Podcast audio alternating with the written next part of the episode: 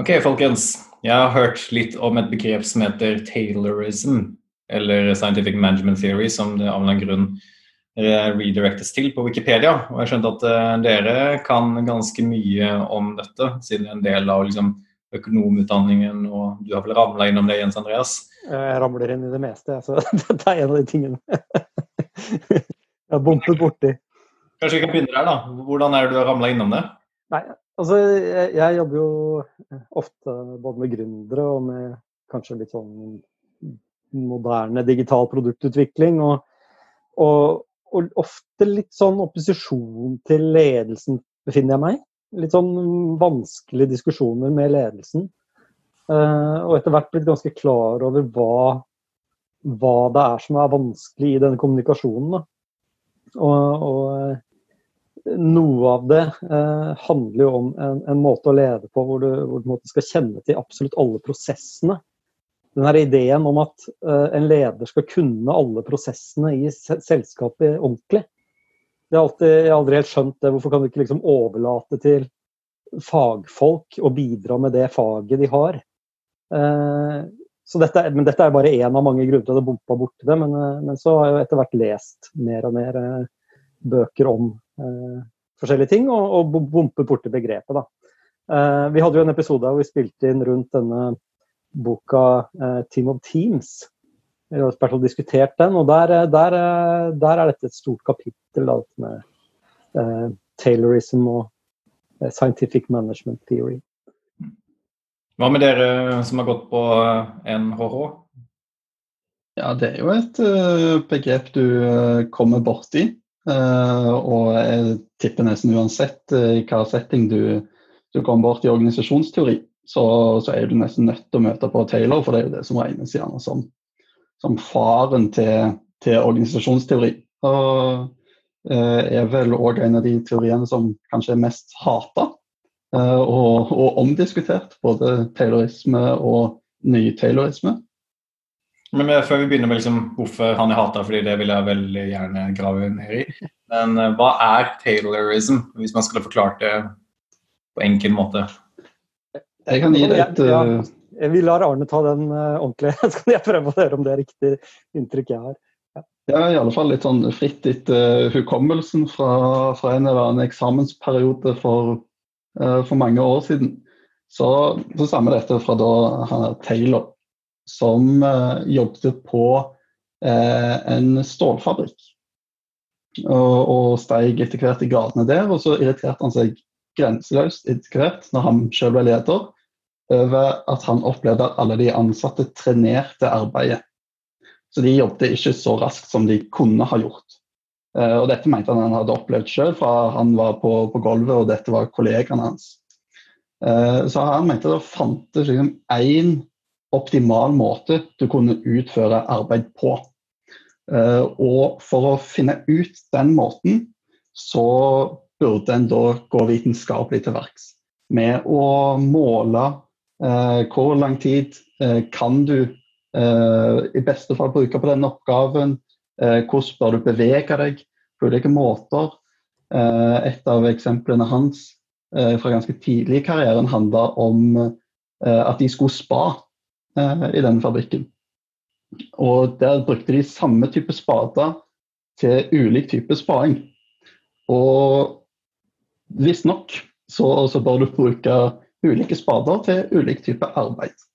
Eh. Så dette var en del av det han da jobbet med, å finne liksom optimal måte å utføre alle typer arbeid på. Spa. Skulle de ha en spa i fabrikken? Eh, spade. Bade, sorry. sorry. Å grave jord. Uh, med, med, stort redskap. Men uh, uh, dette høres veldig likt ut. Sånn japansk optimaliseringsteori rundt i hvert fall den seven types of waste som man snakker ja. Og det, det, er ikke så rart, for det, det, er jo inspirert av Henry Ford, som igjen var inspirert av Taylor. Så det er liksom stegene her. Så veldig mye av det moderne tankesettet som kom nok eh, inn på litt senere òg, med Scrum, som òg har en del uh, arv fra taylorisme. Men, uh, men, det som kanskje er liksom grunnsteinen i taylorisme, eh, som vi kanskje ikke finner igjen like mye i alle de andre tingene, det handler om menneskesynet som lå til grunn.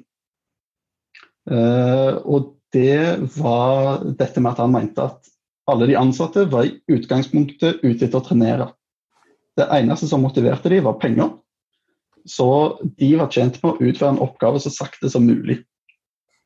Og så, så lenge han ikke kontrollerte de og, og var liksom kjempestreng på kontrollen, så kom de til å utnytte det. Uh, og det var litt sånn bakgrunn for hvorfor han mente det var så viktig med kontroll. At det var lederen sitt ansvar å finne ut hva var, uh, hvor lang tid du kunne bruke på hver oppgave. Og så skulle arbeiderne belønnes eller straffes, alt etter om de klarte det. Mm. det ja, og der, jeg må bare si at, uh, fordi jeg var jo inne på at det her med Taylor, det er litt sånn historikken bak organisasjonsfagene. Eh, I hvert fall fra et økonomisk eh, ståsted. Men det er jo også, refereres jo til det i prosessledelse, altså faget prosessledelse. Eh, og der er jo også Lean, altså Toyota sitt system, er jo også en viktig del av liksom, prosessledelsesfaget. Men det er jo en kontrast her, fordi at eh, eh, i Toyota, da, måten de bygde opp eh, hele denne lean-prosesstankegangen på, så er det jo ikke en sånn at det er en eh, helt optimal måte å gjøre det på. Når du har funnet den, så skal du bare fortsette å gjøre det sånn i all evighet, og at du skal straffes eller belønnes. Der er det jo en, et menneskesyn som eh, alle som arbeider i den prosessen, er i stand til å eh, optimalisere kontinuerlig, og så eh, jobbe for å få eh, bedre og bedre og bedre og bedre flyt, egentlig. Mm. Så kontinuerlig forbedring. Og det er jo det man har litt tatt inn med seg inn i, i det lean-tankesettet som man ofte bruker i, i f.eks. digital produktutvikling. Mm. Noe av det, ja. Eh, eh, hvordan det på en måte eh, Samme inspirasjonskilde kan måte, resultere, resultere, i to veldig forskjellige produksjonsteknikker. Da, i jeg tror, ja, jeg tror det har noe med tiden dette var i. For dette var liksom i tidlig i, eller som en del av den industrielle revolusjonen. Da, hvor du hadde samlebåndsproduksjon, og du hadde den si, eh, Du hadde disse store prosessene, disse samlebåndsproduksjonen, hvor, hvor, ting skulle gjøres om og om igjen mange ganger. Og, og, det, og, det, som passet veldig bra da, det var jo det var jo i en sånn prosess at noen går inn og, og setter sammen hele prosessen fra A til Å. Ledelsen skal kjenne alle prosessene i så detalj. Og finne da denne one best way. Eh, og lage også verktøy for hver delprosess, og så kan man egentlig leie inn hvem som helst. da. Eh, ja, Der er en stor forskjell da til eh, Toyota. fordi Det er jo eh, gjort litt sånn studier på eh, amerikanske selskap som har prøvd å lykkes med Toyota Production System, og ikke gjort det.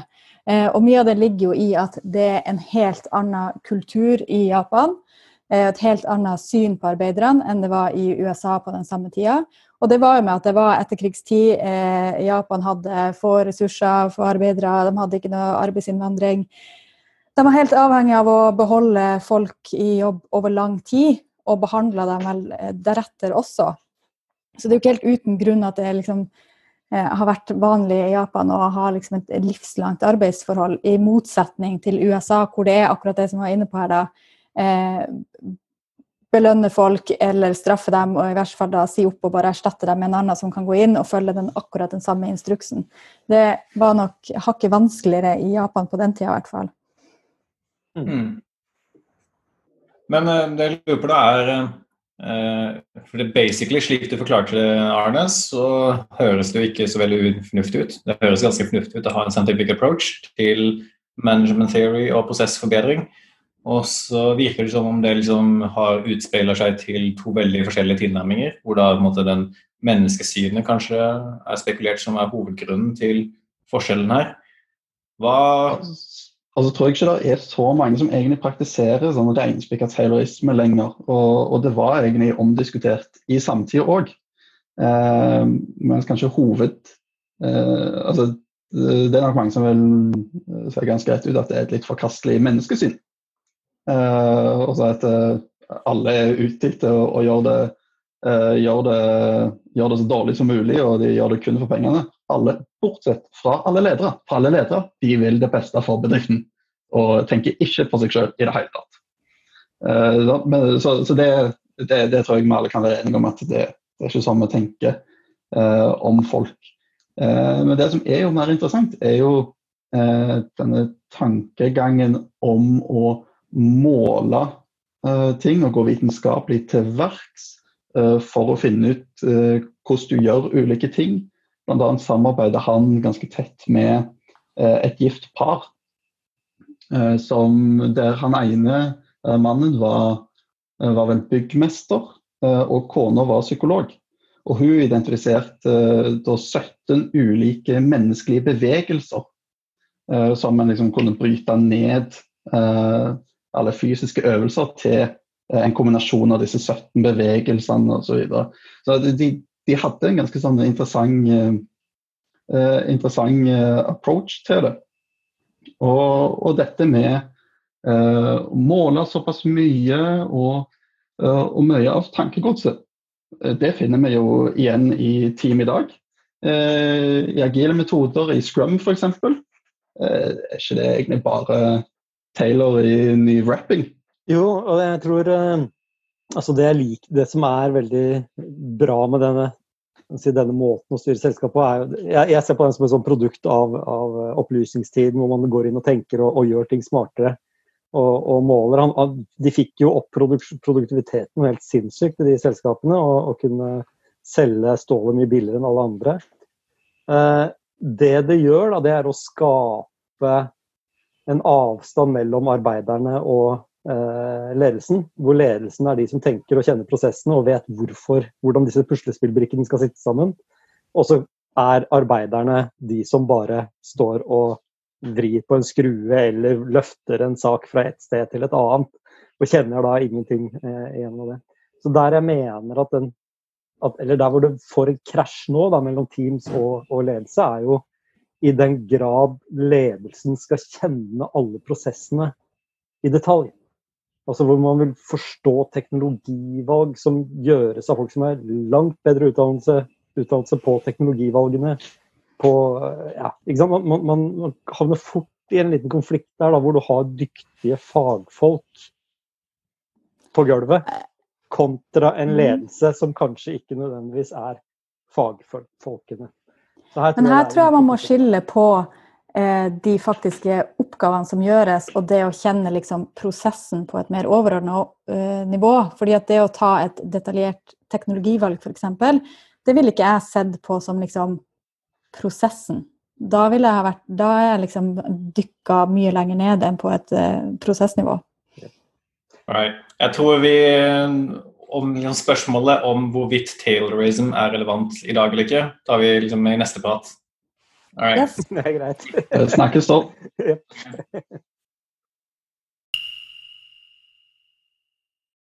Drypp er en lavterskelpodkast fra Beck, hvor vi diskuterer diverse temaer som interesserer oss.